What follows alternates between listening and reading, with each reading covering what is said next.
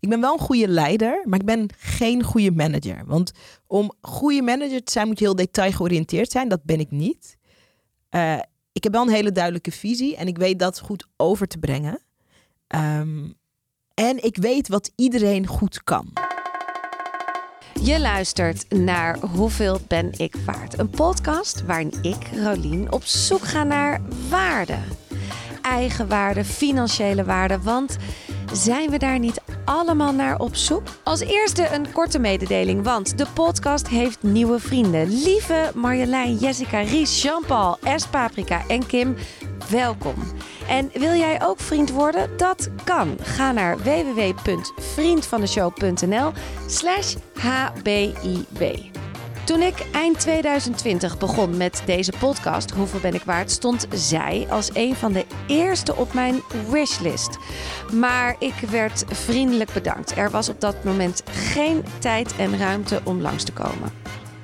Nu, twee jaar later, zit ze tegenover mij in de studio, Zaraida Groenhart. Ze is een knappe, krachtige verschijning. Ze komt binnen met haar telefoon in de hand en legt meteen alles vast. Want Zaraida is zichtbaar. Sterker nog, ze is zichtbaarheidsspecialist. Met haar bedrijf helpt ze vele anderen om zichtbaar te worden. Maar je kan haar ook kennen van tv. Van VJ bij TMF naar presentatrice bij BNN. Van Try Before You Die naar Spuiten en Slikken. Maar ook in 2013 deed ze mee aan Wie is de Mol. We hebben het in deze aflevering over haar missie. Over haar challenge die ze 23 mei lanceert. En of ze de Nederlandse Tony Robbins wil worden.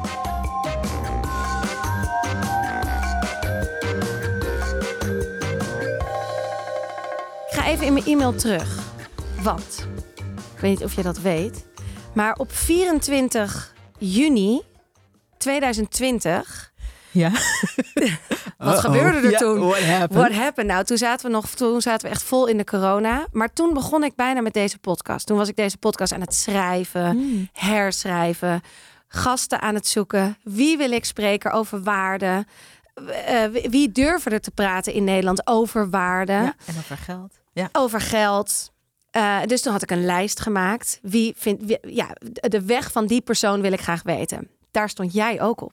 Mooi. Toen zei jij, nou niet jij, maar het management, ze is te druk. Ze heeft hier helaas geen tijd voor. Oh ja, ja. ja, wij moeten best vaak nee verkopen. Ja. Ja. ja. dat is best wel intens. Dat is Ja. best wel heftig. Ja. Vond het, Ja. en, ik, en ik zei meteen, eh, want ze stuurde dit. Wat gaaf dat je een podcast maakt over geld, Ja. salaris. Leuk onderwerp. ja, vinden we belangrijk. Saraya is erg druk, zoals je kan begrijpen. Ze ziet, eh, ze ziet helaas geen kans om je podcast te komen, naar je podcast te komen. Succes met alles. Toen heb ik gestuurd. Bedankt voor je reactie. Jammer. Ik had graag een uurtje met haar willen spreken. Ja. Maar ik snapte het. Maar ik vond het gewoon zo grappig dat je nou toch hier eindelijk zit. Ja, de aanhouder wint. Hè? Ja. Oh, als het Ik heb echt het namelijk eerst dus via je management. Toen Ja. heb ik je nog een paar keer benaderd op Instagram. Toen kreeg ik eerst geen reactie. Toen kreeg ik nu maanden later een reactie van je. Ja, ja. En weet je hoe dat ging? Dat is wel leuk ook. En ik denk dat hier ook een mooie les in zit. Want dit is voor mij ook heel herkenbaar. Ik heb ook heel veel van de leukste dingen in mijn bedrijf, maar ook toen ik nog bij de tv werkte. Ehm, dat zijn dingen die ik veel eerder bedacht dan dat ze uiteindelijk eh, ook echt gebeurden. En eh, wij zaten eh, een tijd geleden met het team, zaten wij te, te meeten en ehm, we hadden het over podcasts en podcasten. En, en toen zei ik, oké, wat, wat is nou een podcast waar we gewoon echt moeten zijn? En toen zeiden er twee mensen uit het team, ja, je moet nou hoeveel ben je waard? Toen zei ik, volgens mij heb ik wel eens, ik moet heel even checken, volgens mij hebben we wel eens, volgens mij ik wel eens een bericht. En toen zag ik inderdaad, en zei ik, en je had gevraagd, kom je langs? En toen inderdaad maandelijk ik zo, heel graag, kan het nog? Ja, zo leuk. Ja, Ja. ik was heel Ja. blij. Maar dan, ik geloof ook hoor, dan moet het zo zijn. Ja, absoluut, absoluut. En dan was het die tijd daarvoor ook Nee, nog helemaal Nee, niet de Zal tijd. ik je full, full, full context vertellen Ja. wat 2020, wat er speelde bij mij? Maar dat is echt helemaal, dan is zo, dan zitten we ook meteen erin. In 2020 ehm, zat ik zelf met een gezondheidsissue. Er was iets gevonden bij mij. En eh, het was het begin van de coronatijd. Dus ik werd wel onderzocht in het ziekenhuis, maar alles duurde heel lang. Weet je dat, eh, wat we nu hebben we daar ook nog de nasleep van, maar dat je niet zo goed, niet zo snel, wel goed, maar niet zo snel geholpen kan worden. Dus dat sluimerde op de achtergrond. Ik had tegen mijn team gezegd, oh, ik kan zo min mogelijk bij. En, en wij waren een samenwerking aangegaan met iemand die kwaad in de zin had. En er liep een soort juridisch traject. Dus het was 2020 en niet eens door corona. Was, de meest, was denk ik het meest stressvolle jaar van mijn leven. maar en je niet had door corona. ook echt nog een kleine baby. En ik heb nog een klein kind en een groot bedrijf. Dus ik had gezegd daar van. eh, Oké, voor, voor, voor Oprah maken we natuurlijk een soort uitzondering. begrijp maar ik, maar begrijp ik, ik kan er mentaal bijna niks bij hebben, Nee. zeg maar. Dus, en het is, dat jaar is voor de rest eh, gezondheid helemaal goed gekomen. Uiteindelijk gelukkig goed nieuws gehad. Juridisch helemaal kunnen afronden. Maar dat, een groot deel van 2020 was dat. En eh, dus, dus eh, en, maar ja, dat gaan we natuurlijk niet naar iedereen Nee, toe nee. mailen. Dus toen zei ik ook tegen het team, we moeten meer nee verkopen dan dat we eerder deden. Ja. Ja. Terwijl voor mij was dat juist het jaar waarin jij enorm zichtbaar bent geworden. Oh ja?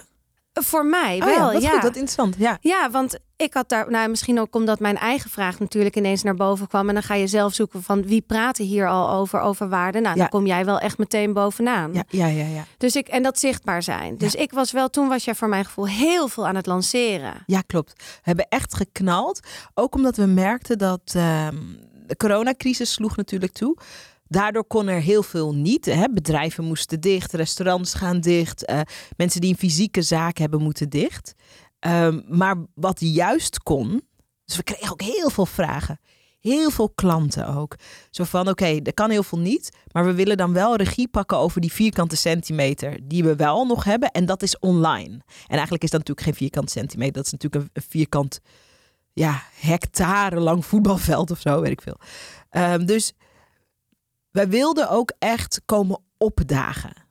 Ehm, en dat is ook gelukt.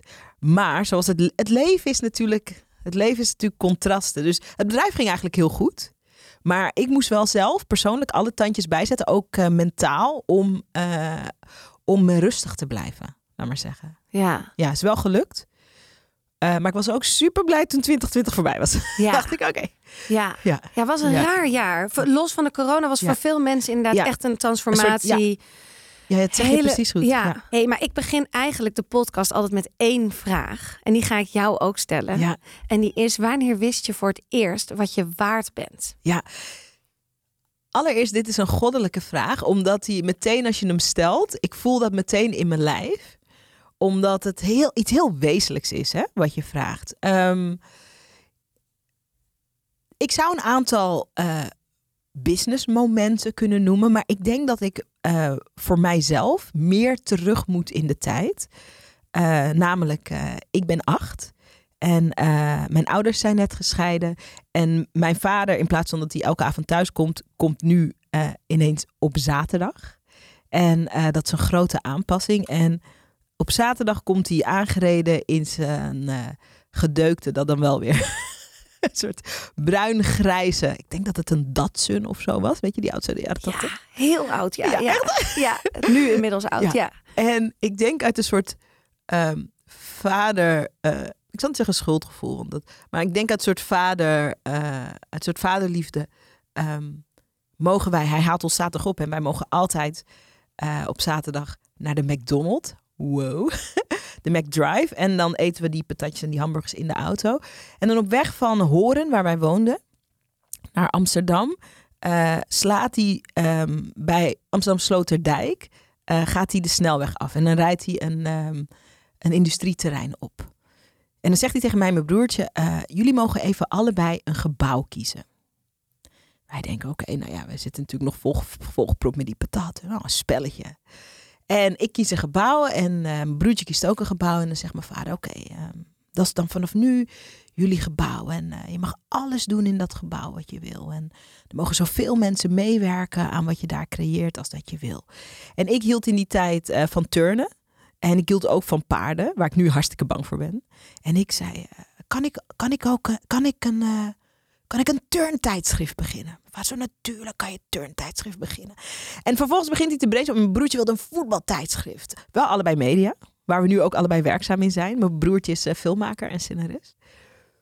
En mijn, vader die begint met ons te brainstormen over eh, eigenlijk wat wij kunnen creëren. En, en dat is een heel tijdje ons spel geweest. En ik, ik, ik word nu 40, ik was toen 8. Ehm, en ik heb nu zelf een kind. En eigenlijk snap ik nu pas, uh, wauw. Wat hij ons liet zien is uh, op een heel speelse manier, is dat, dat we dingen kunnen creëren. En dat je um, dat waard bent. Dat je niet hoeft uit te leggen uh, waarom je iets zou willen. Of ging ons niet ondervragen van, maar waarom dan een turntijdschrift? En uh, hoe denk je dat dan te kunnen? Ging helemaal niet over hoe je dat dan dacht te kunnen doen. Het ging alleen maar over het plezier van, uh, wat wil je beleven? Dat was altijd mijn vaders slagzin. Wat wil je beleven, wat wil je beleven? En ik, later ontdekte ik dat dit helemaal niet zo gangbaar is. Om dit in je opvoeding mee te krijgen. En mijn vader is inmiddels overleden. Hij, ging, uh, hij, hij, werd ziek, hij kreeg kanker en hij overleed in 2014. Um, ehm, maar hij heeft ons eigenlijk met dit spel geleerd dat we het waard zijn om te creëren. En om maar. heel groot te mogen en denken. Om groot te mogen denken. Ja. En om niet te hoeven verdedigen dat je iets groots zou willen ervaren of denken of creëren. En dus ik, ik denk dat het voor mij daar begonnen is. Ja, en durfde je dus ook, je ging dus meteen als kind al heel groot dromen. Ja, ja, daar zat ook helemaal geen, uh, daar zat helemaal geen rem op. Later, als je ouder wordt en je gaat, in het, uh, en je gaat werken, en op school ook al, daar ontdekte ik, hey, mensen reageren soms ook heel raar als je hardop groot droomt. Oh, daar heb ik echt al duizend voorbeelden van. Ja? ja. Vertel. Oké, okay, de meest, uh, nou ja, in de top 6 van stomme. Uh, dat was in mijn tv-tijd. Ik ben achter de schermen begonnen bij de tv. Uh, ik had zelf een plan bedacht. En had ik aangemeld bij een directeur. Bij de directeur van uh, een MTV-zender. Dorine Baas heette zij. Um, toen heb ik haar heel lang gestokt. Heel liefdevol, hè? Niet vervelend. En toen, toen zei ze, oh, dit is verschrikkelijk. Stop met mailen en bellen. Zei ik, mag ik één keer op kantoor een soort mijn case bepleiten? Toen werd ik aangenomen achter de schermen. Ze zei, uh, dat plan wat je hebt geschreven, shit. Maar wat een doorzettingsvermogen. En wat fijn dat je ook vriendelijk bleef. De vriendelijke aanhouwer, dus niet boos. En, en toen begon ik achter de schermen bij de tv. Dus, en ik vertel dat er even bij, omdat um, mijn oorsprong is altijd... Ik ben altijd een maker geweest. Ik was eerst een assistent, uh, productieassistent. Ik heb kabels gesleept bij de TMF. Dus ik ben... Dat presenteren kwam later. Ik ben altijd een maker geweest. En toen ik uh, bij BNN werkte en bij uh, en Spuiten en Slikken deed en um, al die leuke programma's. Toen had ik me een keer laten interviewen uh, door, de, door de Volkskrant. En ik droomde toen over een eigen productiemaatschappij. Ik was toen een, twintiger hè, bij een Spuiten en Slikken presentatrice van denk 26 of zo, 27. En de kop van dat artikel, ik had gezegd dat John de Mol was toen mijn voorbeeld. En de kop van dat artikel was, uh, ik wil de nieuwe John de Mol worden. Maar ik zag dat. Ik was toen ook een beetje naïef nog. En, en ik dacht, ja, nou, later als ik groot ben, lijkt me wel cool. Of een soort versie, mijn eigen versie van. Maar dat jaar ging naar de televisiering awards. Um, nou, ik kan je vertellen, ik werd echt aan de kant gehaald door mensen die zeiden uit de industrie, hele bekende regisseur, wiens naam ik niet ga noemen, die zei: Wat denk jij wel niet? John de Mol? Wat denk je? bent maar een spuiten en slikken prestatrice. Wat denk je wel niet? En dacht, huh? Ja. Ik zeg, ik, ik dacht, ik heb niet gezegd ik ben het. Ik heb niet gezegd ik ben daar. Maar ik wil dat. Is mijn dat. ambitie. Ja. Maar ook al zou je het wel zijn al in jouw wereld, wat, wat zou, zou Ja. dat zoveel uitmaken? Nee, die regisseur die zei tegen mij, dat was een, een, een topregisseur van een heel goed bekeken programma, van een talkshow. Misschien de best bekeken talkshow in die tijd. En eh, die zei, zo werkt het hier niet. Eh, dit is de perfecte manier om buitenspel gezet te worden. Eh, eigenlijk, we pikken dit niet. Eigenlijk. Dat was eigenlijk zijn boodschap. En ik was helemaal in mijn gala jurk. Ik, was helemaal, ik voel nu nog het zweet stroomde onder mijn. Ik dacht, heb ik nou iets fout gedaan?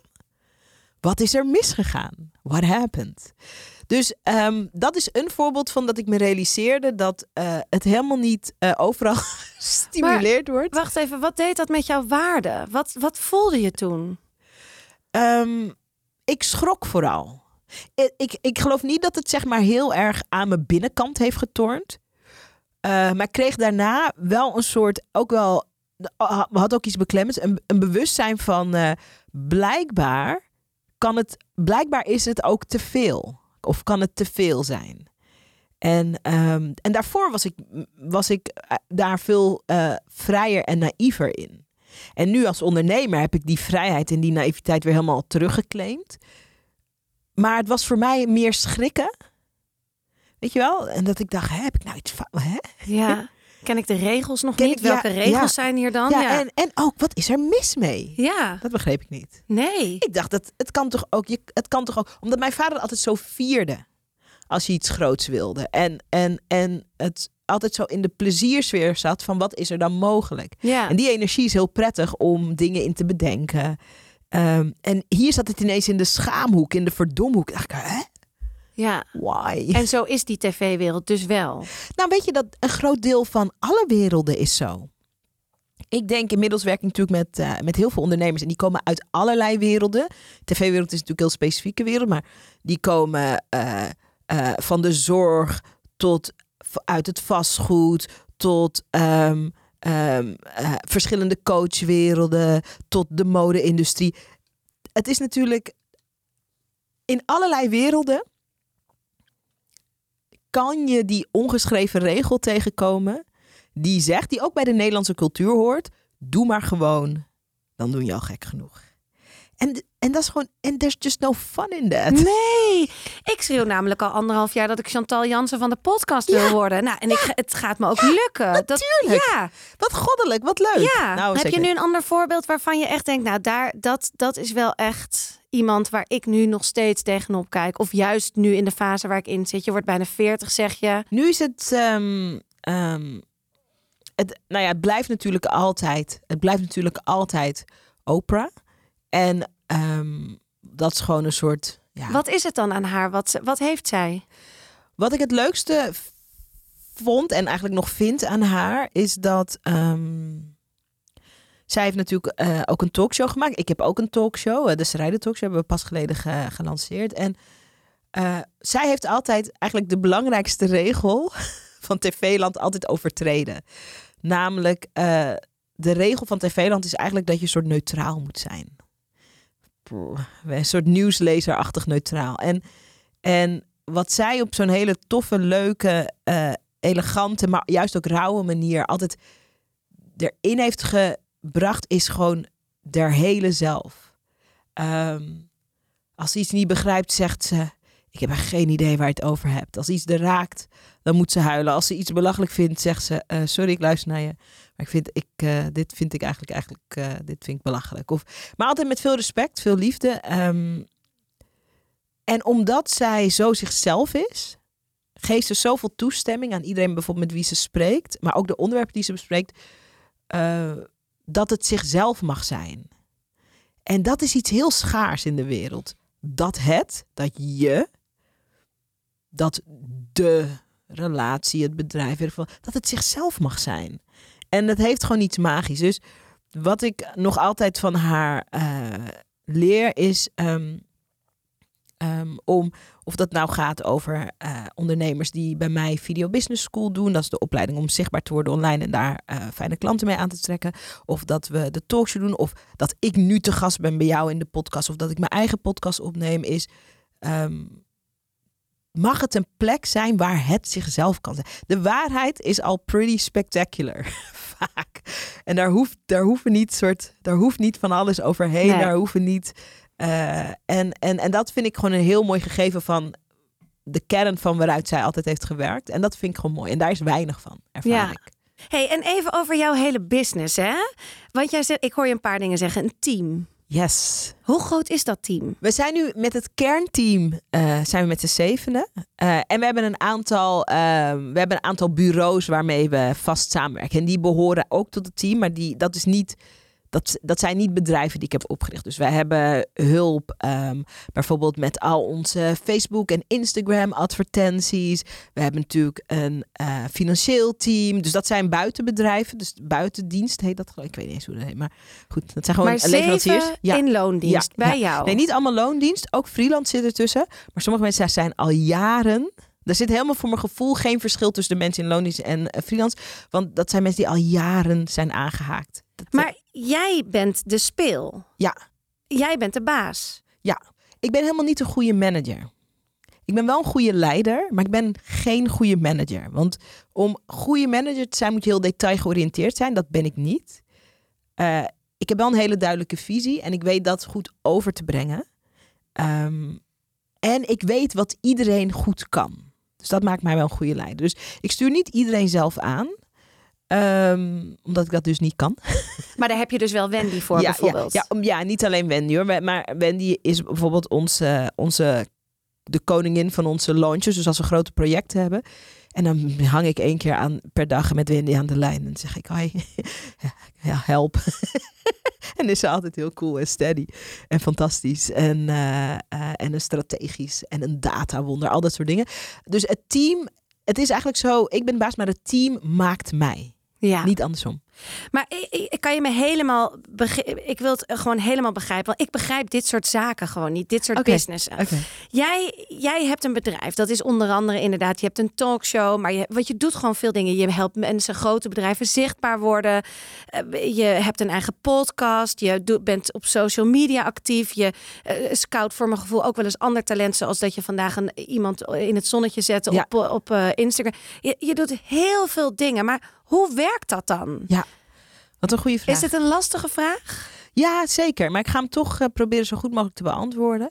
Wat je moet weten is dat, um, kijk, het bedrijf bestaat uh, bijna tien jaar. En het bedrijf, kijk, ondernemers zeggen vaak: ik ben mijn bedrijf. Dat is, eh, dat is misschien zo, maar eigenlijk niet. Het bedrijf is zichzelf, is zijn eigen entiteit. En iedereen staat in dienst van het bedrijf. Ik ook ik kan heel veel dingen in mijn eigen bedrijf helemaal niet. Dus ik schrijf bijvoorbeeld zelf uh, uh, al mijn mails. En ik maak heel veel van mijn eigen content. Um, uh, 90% en dan sommige alleen een zakelijke mail met een mededeling voor hoi deze inlog. Dat, dat maak ik niet. Dat maakt het technische team. Maar ik maak al mijn, mijn, mijn eigen content. Maar vraag mij alsjeblieft niet hoe dat verstuurd moet worden in het inmiddels super uitgebreide e-mailsysteem dat we hanteren. Om heel veel mensen te kunnen bereiken. Er staan heel veel mensen op onze e-maillijst. Dus, uh, dus ik ben, um, ik ben eigenlijk de fontein waar alle ideeën, nou niet alle ideeën, maar waar de meeste ideeën en waar de content uit spuit. en vervolgens is er gelukkig een fantastisch team dat zegt hartstikke goed, het moet in deze emmer. Het moet in deze emmer. Nee, het moet niet in die emmer. Het moet in deze emmer dit heeft prioriteit. Nee, dit heeft nu geen prioriteit. Dus, dus dat, dat is de verhouding. En uh, zoals je ook hoort daaraan, dus ik ben ook dienend aan het team. En ik denk dat dat een grote misvatting is. Dat, uh, dat, dat de baas iemand is die de baas speelt. Terwijl de baas moet eigenlijk het team faciliteren om optimaal te kunnen functioneren. En we hebben veel, weet je waarom we uh, ook een team nodig hebben? Omdat we hebben veel klanten duizenden ondernemers. Niet alleen grote bedrijven, ook ZZP'ers, freelancers. En die hebben aandacht en liefde nodig. En, uh, en dat doen we samen. En gaat dat goed? Ja. Want, en dan bedoel ik het ook financieel. Want hoe werkt dat? Ik, zoals nu, we gaan het zo ook over je challenge hebben. Ja. Ik denk dan, een gratis challenge. Hoe kan je dat doen? Ja, dat kan alleen als het heel goed gaat met het bedrijf.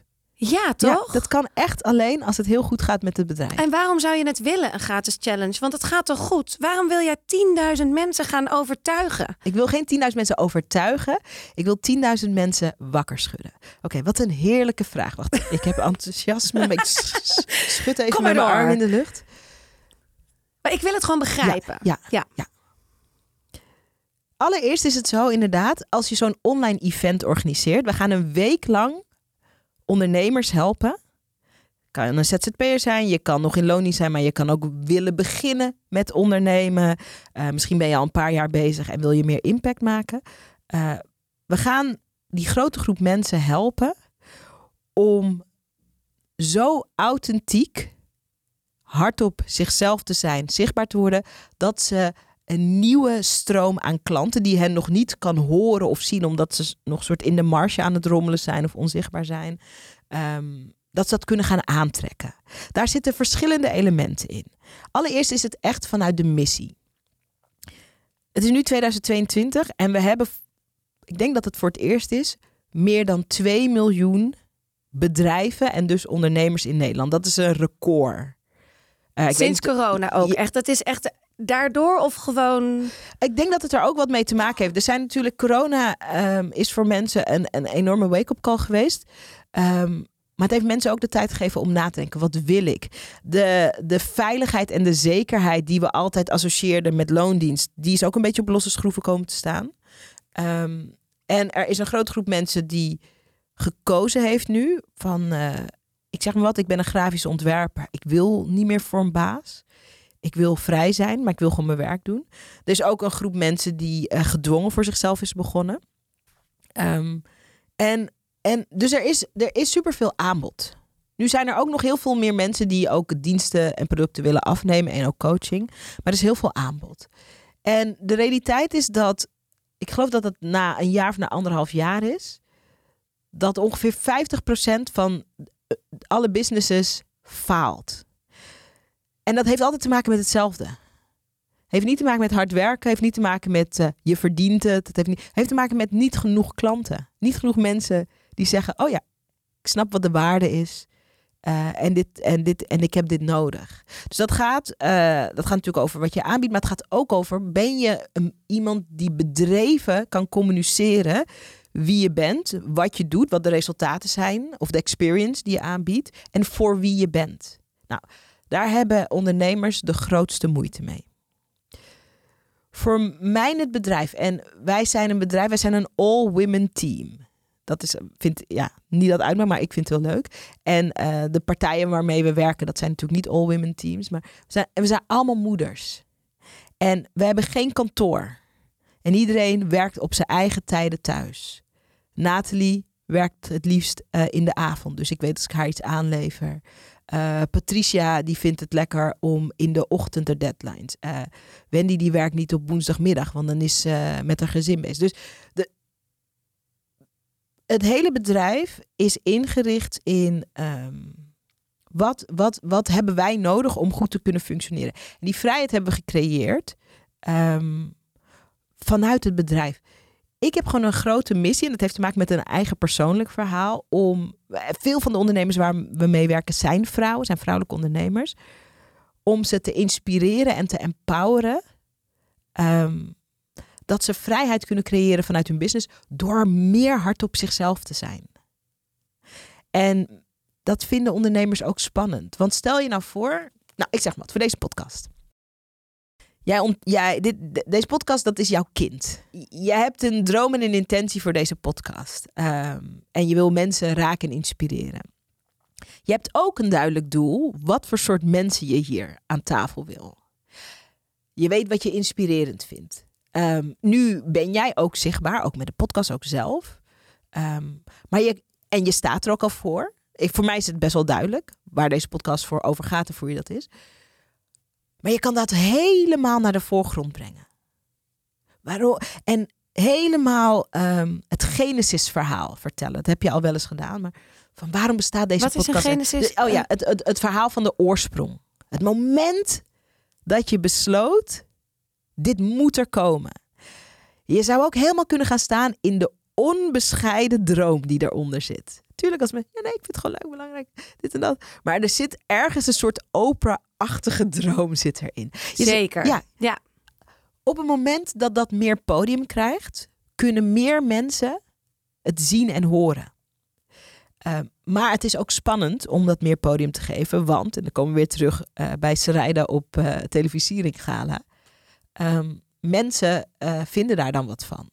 En wat ik met de challenge doe, maar ook bijvoorbeeld met onze opleiding Video Business School, is dat we uh, niet alleen de tools en de laatste tips en tricks over, en, over welke social media platformen en we helpen je een betere storyteller te worden, maar ook we willen ook een veilige space creëren waarin je ondersteund wordt in het proces van zichtbaarder worden.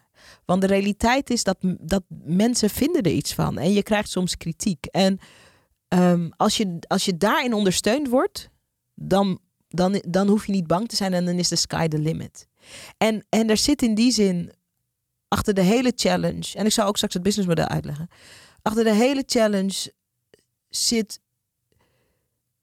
Feministisch is niet het juiste woord, maar er zit, er zit er zit wel een mega drive om vrouwen, vrouwelijke ondernemers, doen ook mannen mee. Leuke mannen die in touch zijn met hun gevoel. die in touch zijn met hun vrouwelijke kant. Dat zijn de mannen die wij aantrekken. Heel veel leuke vrouwen en leuke mannen die, eh, die wat dat betreft echt midden in het leven staan. En, en mannelijk zijn, maar helemaal niet bang zijn ook voor de, de, de zachtere kant van het leven. Ehm, wij willen ze empoweren om, uh, om, om, om echt te gaan staan. En ik denk, want dus over Genesis verhaal gesproken. Ik werd laatst geïnterviewd door uh, onze videograaf. Dat is een man, een heel toffe vent, Joris. En die zei, waarom is dat nou zo belangrijk? Waarom is dat zo belangrijk? Waarom is dat nou zo belangrijk? En toen zei ik, volgens mij heeft het toch te maken met, uh, um, volgens mij heeft het te maken met mijn eigen moeder. Want het heeft vaak toch met, de reden waarom je doet wat je doet is vaak heel persoonlijk, maar dat weten we niet altijd. Um, toen mijn ouders gingen scheiden toen ik zeven was, ik vertelde daar net al even wat over. Um, mijn ouders hebben het heel netjes gedaan, geen vechtscheiding. Maar het is altijd zo, ik ben zelf ook uh, uit elkaar met de vader van mijn dochter. Dan ben je ineens toch, um, als, als, dan ben je als vrouw toch uh, ook de drager van het gezin. En die vader, kijk, ik ben in co-ouderschap met de vader van mijn dochter. Dus wij trekken in die zin heel gelijk op. Maar ik ben de kostwinner voor mijn stuk van het gezin. En dat had mijn moeder ook. Die was ook de kostwinner voor haar stuk van het gezin. En mijn vader die was de kostwinner voor zijn stuk van het gezin. En um, mijn moeder, die, dat was natuurlijk een andere tijd, was de jaren tachtig. En mijn moeder die kon toen een baan krijgen. Ik denk op twee uur reizen afstand van waar wij woonden. En ze pakte hem. Dat was een baan die beter betaalde. En ze ging dat doen voor haar gezin. Wat resulteerde in dat wij een periode lang, ik denk een jaar of anderhalf jaar, uh, als gezin, um, elke ochtend, als een kind van zeven en een kind van vier, elke om vijf uur op moesten staan. Uh, alles haasten, haasten, haasten. Dan werden wij naar een tante gebracht, mijn moeders zus. En dan, en dan zagen we moeder de hele dag niet. En dan kwam ze aan het einde van de dag thuis, helemaal kapot, eten. En dan gingen we slapen. En dat was een tijdje ons leven. En mijn moeder deed voor het gezin. En ik heb respect en liefde. Uh, en er was natuurlijk een tijdje bijna geen gezinsleven. Dan heb je geen gezinsleven, want je ziet elkaar niet. En um, ik geloof, mijn, mijn, mijn, mijn hallucinatie, zoals je dat dan heel mooi bij Tony Robbins moet zeggen, als je iets niet zeker weet, dan moet je zeggen, mijn hallucinatie is. Mijn hallucinatie is dat als er toen zo'n soort bedrijf had bestaan, zoals ons bedrijf er nu is, echt om vrouwen te empoweren om en geld te verdienen en te doen wat ze leuk vinden. En dat te creëren vanuit hun eigen voorwaarden. Uh, zo, juist zodat je er kan zijn, ook voor de mensen van wie je houdt. Dan, dan had dat een mega impact gehad. Weet je wel? En um, we leven nu ook in een hele andere tijd. Dat had met, ik bedoel, in de jaren tachtig werkte niemand thuis en het internet je had bestond niet eens ZZP'ers. Nee, ik denk dat je 100 ZZP'ers in Ja, Amsterdam had ja. in die tijd. Maar geen internet. En dan, was het, dan verdiende je zwart. Ja. 10, eu- 10 Ja, gulden. ja. Dus het, ik, ik snap wat je bedoelt, maar het was Het was een inderdaad was totaal er andere niet. tijd. Ja, En tegelijkertijd is het toch de inspiratie, omdat ehm, ehm, ik denk, ik heb het ook wel eens met mijn moeder over gehad. Ehm, en dat was denk ik voor haar toch ook een tijd. Ze voelde zich ook, ook alleen. En ze had ook goede vriendinnen, maar er, ze voelde zich niet zo ondersteund. Hè, mijn ouders kwamen natuurlijk als immigranten uit Suriname om hier te studeren. Dus ook niet zoveel familie. Wel een zus, maar bijvoorbeeld geen, geen ouders, geen opa's en oma's en zo. Dus, dus dat heeft, mij, heeft wel impact gemaakt op mij. En ik denk dat ik toen heb besloten dat werk, in, in dit geval dus business, er moet zijn eh, om het gezinsleven te versterken. In plaats van daar afbreuk aan te doen of in plaats van competitie ermee te voeren. En de challenge, de snel makkelijk zichtbaar challenge, ehm, dat gaat over zichtbaarheid, dat gaat over nieuwe klanten aantrekken via social media. Dus dat is heel duidelijk. We gaan gewoon van 23 mei tot en met 30 mei eh, je helpen om die fijne stroom van fijne klanten te kickstarten als je nieuw bent of te uplevelen als je al werkt. Dus dat is eigenlijk heel logisch en heel plat ook. Eh, en de intentie eronder is, we willen je helpen vrijheid te creëren door middel van meer van jezelf te laten zien. En daar ben ik mega gepassioneerd over. ja hè, dat, is, dat Ja. wil jij echt. ja. Jij vindt dat iedereen dat recht Ja, heeft. het is, ja, oh, je zegt het. Ja, je zegt het alsof je soort de woorden zo uit mijn hart zo grijpt. Nou, ik, ja. ik hang Ja. aan je lippen, want ik, kijk, ik word wel eens doodgegooid met alle challenges, om eerlijk te Ja, ik zijn. en ik Ja. word ook een beetje doodgegooid met allemaal coaches. En ik word ook een beetje doodgegooid met allemaal mensen die zeggen dat ze me zichtbaar gaan maken. Weet je wel, dus ik vind het ook lastig. Maar ik, ja, ik voel hem ook. Ik ben bijna in staat om me ook in te schrijven. Maar ik ben Doe het. altijd, ja, eigenlijk moet ik het gewoon doen. Ja, Ja, omdat doe ik het, ik, meestal duw ik het altijd weg. Maar ik wil hier, ik ga hier ook echt aan meedoen. Oké, I love ja, it. I'm in. I love it. Ja, want ik voel it. hem ook. Ja. En ik voel, ik, ik mis soms, ik denk dat heel veel ondernemers, en daarom is het, dat komt bij mij meteen naar boven, is heel veel ondernemers zijn heel ook eenzaam in hun ondernemen. Ja, ja, ja. Want ik zit ook in mijn eentje thuis. Ja, heb Ja. ik weer die podcast geëdit en dan moet ik weer in mijn eentje lekker de hele promotie gaan doen. En, Ja. Terwijl ik misschien wat meer gedragen zou worden. Dat is, ja, het is, het is alsof je, nou ja, het is helemaal alsof je tijdens onze teammeetings erbij Bij zit. was, hè? Ja. Dat is echt het gevoel van de experience van eh, gezien en gedragen worden. Want het is ook niet makkelijk proces. Soms zeggen mensen van, oh nou met ondernemen, eh, alle informatie staat op YouTube en, eh, en het is, ja je moet gewoon, en dat is niet zo. Anders was iedereen wel een internettriljardair als het ging alleen maar over dat je nieuwe informatie moest krijgen. ja. Het gaat erover dat het spannend is. Of dat je dingen moet doen die je niet eerder deed. Of dat er dingen goed gaan en dan ben je blij en dingen gaan niet goed en dan voel je onzekerheid. Het gaat erover dat je gedragen kan worden. Dat er mensen zijn die dat ook leven. Dus niet je lieve tante die geen idee heeft en het goed bedoelt te zeggen, meid het komt goed. Ook fijn. Maar ook fijn om te horen van iemand die in een andere branche eenzelfde soort pad bewandelt. En Ja. zegt, oh ik snap je, toen ik dit meemaakte, toen deed ik dit. Ik zat even bij jou mee te kijken. Ik denk dat dit misschien wel zou helpen. Of maak je niet druk, of dit is een fase die erbij hoort. Of... Dat maakt het verschil. Die, die tribe, dat gevoel, dat, eh, dat, dat maakt het verschil. ja. Hey, en even, want dat eh, snap je ook. Kijk, het kost. eh, wij zijn maanden bezig in de voorbereiding dit te doen. Wij eh, hebben een prachtig werkboek gemaakt met vijf invulscripts die je als posts of als video's kan maken en waar je nieuwe klanten mee aan kan trekken. Ehm, er zit coaching in. Ehm, Patricia is onze community manager. Die is in de community aan het helpen en aan het ondersteunen. Dus dat, ik bedoel, dat, het, het, het, kost ook, het kost ook heel veel geld om dit te creëren. Daarom kan je het alleen doen als het goed gaat met het bedrijf. En het is ook zo dat als wij, ehm, als wij op pad zijn gaan met mensen, dat er ook altijd een groep mensen is die zegt: Ik zou hier wel mee door willen. En dan hebben we een vervolgtraject en daar kunnen mensen in investeren. Dat is altijd een heel klein percentage. Daar zijn we hartstikke blij mee. Het overgrote percentage haalt gewoon de challenge, alles wat ze nodig hebben uit de challenge en gaan door. En dat is ook oké. En wat daarin zit is heel veel vertrouwen. Ik zeg ook altijd tegen mijn team, we geven alles wat we hebben.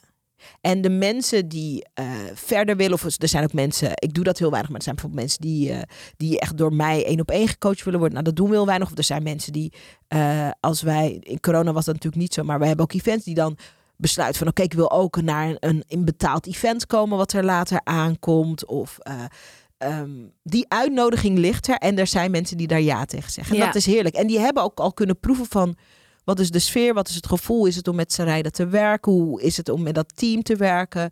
Ehm, mensen ontdekken ook dingen tijdens de challenge. Van hé, hey, wacht, ik ga dit helemaal anders doen. Of hé, hey, ik zit eigenlijk in het. eh, ik, ik ga de stap nemen. Heel veel mensen die nog in loondienst zitten, komen ook even proeven aan dat ondernemerschap. Mensen die al een business hebben, die komen ontdekken van oké, wat voor soort verhalen voel ik me het meest comfortabel Ja. bij om te vertellen? Of wat is nou mijn formule om die nieuwe klanten aan te trekken? Dus de, de, het bruist en het ontstaat. En de, om dit te organiseren, het zou kunnen dat er dat, dat eh, om dit te kunnen organiseren en zo te kunnen geven. En vervolgens komt dus een uitnodiging. Hè, wie wil er verder? Eh, dat kan alleen als je vertrouwen hebt. Ja. Want het kan ook zijn dat iedereen zegt: super, willen niet verder. Nee. En daar ehm, is niemand bang voor bij Nee. ons. Omdat het komt van een hele wezenlijke plek wat we geven. Hoeveel aanmeldingen zijn er? Weet ik niet. Nee? Ik, nee, ik weet het niet. Want ik kan dus, dus wat ik je vertelde. Ik heb straks nadat we deze podcast hebben gehad, eh, heb ik teammeeting. Ehm ik heb expres tegen het team gezegd, gooi me maar niet de hele tijd dood. Ik kom opdagen. Ik kom opdagen, het team komt opdagen. En ik krijg eens in de zoveel tijd een update. Dus ik moet straks een update. Dus ik heb geen idee. Oh, wat heerlijk. Ik heb geen idee. Dat is ook goed, want anders dan ben je de hele tijd gefocust Ja, op die ja. cijfers. En dat wil je juist nee, niet. Nee, ik, dat is heel goed wat je. Ik ben niet... eh, ehm, want dat is een valkuil waar we in kunnen vallen hè, als ondernemers. Dus bijvoorbeeld, jij hebt je podcast en ik zeg maar wat. Je hebt een bepaalde Eh, Luistercijfers zijn voor mij ontzettend belangrijk. Ja. Echt, hoe, hoe meer, ja, hoe Ja, beter. En mijn ego, tuurlijk. maar ook mijn financiële portemonnee, alles. En dat is eigenlijk zonde, want natuurlijk, al heb ik twee mensen die ik bereik, it's oké. Ja. Als ik jou bereik daarmee, dan moet ik al tevreden zijn. Maar toch, in het ego, in mijn zijn, is het nooit genoeg. nee, en Verschrikkelijk. Nee, niet verzet. Ik denk gewoon normaal en menselijk. Ik denk dat eh, het spel zit. Dat er, dit zijn bijvoorbeeld dingen die we ook tijdens dit challenge bespreken. En waar we ook in oefenen. Het spel zit eh, ergens in het midden. Als je er niet mee bezig bent. Kijk, ik weet het nu niet. Maar de rest van het team weet het wel. Dus we zitten niet op een soort vage roze wolk van het doet er niet toe. Want we hebben een heel grote missie. Waarom ik in eerdere jaren werd ik heel erg soort elke keer ik, alleen maar apps en waarom ik heb gezegd dat hoeft deze keer niet is ehm, we hebben dat grote doel. We willen veel mensen helpen en een groot doel is ook een uitnodiging om op een bepaalde manier eh, te komen opdagen. Je hebt een groot doel voor deze podcast. Dat betekent dat het veel van jou nodig heeft ook. Liefde, aandacht, tijd, brainstormen over hoe kunnen we hem promoten. Weet je wel, kijk, als je lekker aan het hobbypodcasten bent, dan neem je dit op en had je een leuk gesprek. Nou, en eh, eh, klik en staat het op Spotify en Apple Music en alles. En klaar. Nee. Je hebt een groot, een groot doel, dus dan, dan vraagt het ook dat bepaalde dingen zich ontwikkelen. Hoe gaan we het promoten? Hoe zorgen we dat die ene goede aflevering bij zoveel mogelijk mensen komt? Eh, misschien dat je daar een nieuwsbrief voor. d- Dus, dus je hebt dat grote doel ook nodig om het spel te bepalen. Ik zeg altijd tegen eh, mijn challengers: kijk, eh, eh, het maakt niet uit wat het spel is, maar het spel van de Champions League is een ander spel dan het spel van de Eredivisie of van de F's. Er gebeuren andere dingen. Eh, je moet er andere dingen voor doen en laten. En het is goed om te weten in welk spel zit je. Ja. Als jij zegt je zit met de podcast in de, in de Champions League, dan is dat fantastisch. Dan moet je Champions League dingen doen. Dat zijn andere dingen dan ik doe eh, eh, op zaterdagochtend de F'jes dingen. Dat, dat is gewoon, Ja. het is gewoon dus, dus het is goed om die grote doelen te hebben. Alleen, eh, het wordt natuurlijk lastiger als we er, ons erop stuk staren. ja. Want dan verkrampt het ons. Ik hoor jou echt groot dromen. Je, je, je zegt missie, hij is groot. Ben jij een Tony Robbins? Ja, dit was het eerste deel van ons gesprek. Wil je Zaraida's antwoord horen? Ga dan snel naar deel 2. Verder heb ik mij inmiddels ingeschreven voor de challenge. Ik heb me netjes aangemeld voor de besloten Facebookgroep. En ik ben heel erg benieuwd wie ik daar ga zien en hoe dit allemaal werkt. En Hoeveel ben ik waard heeft zijn allereerste winactie. En die is te gek.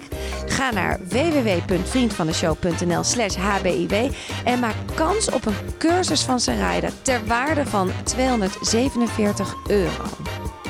Voor nu, tot de volgende.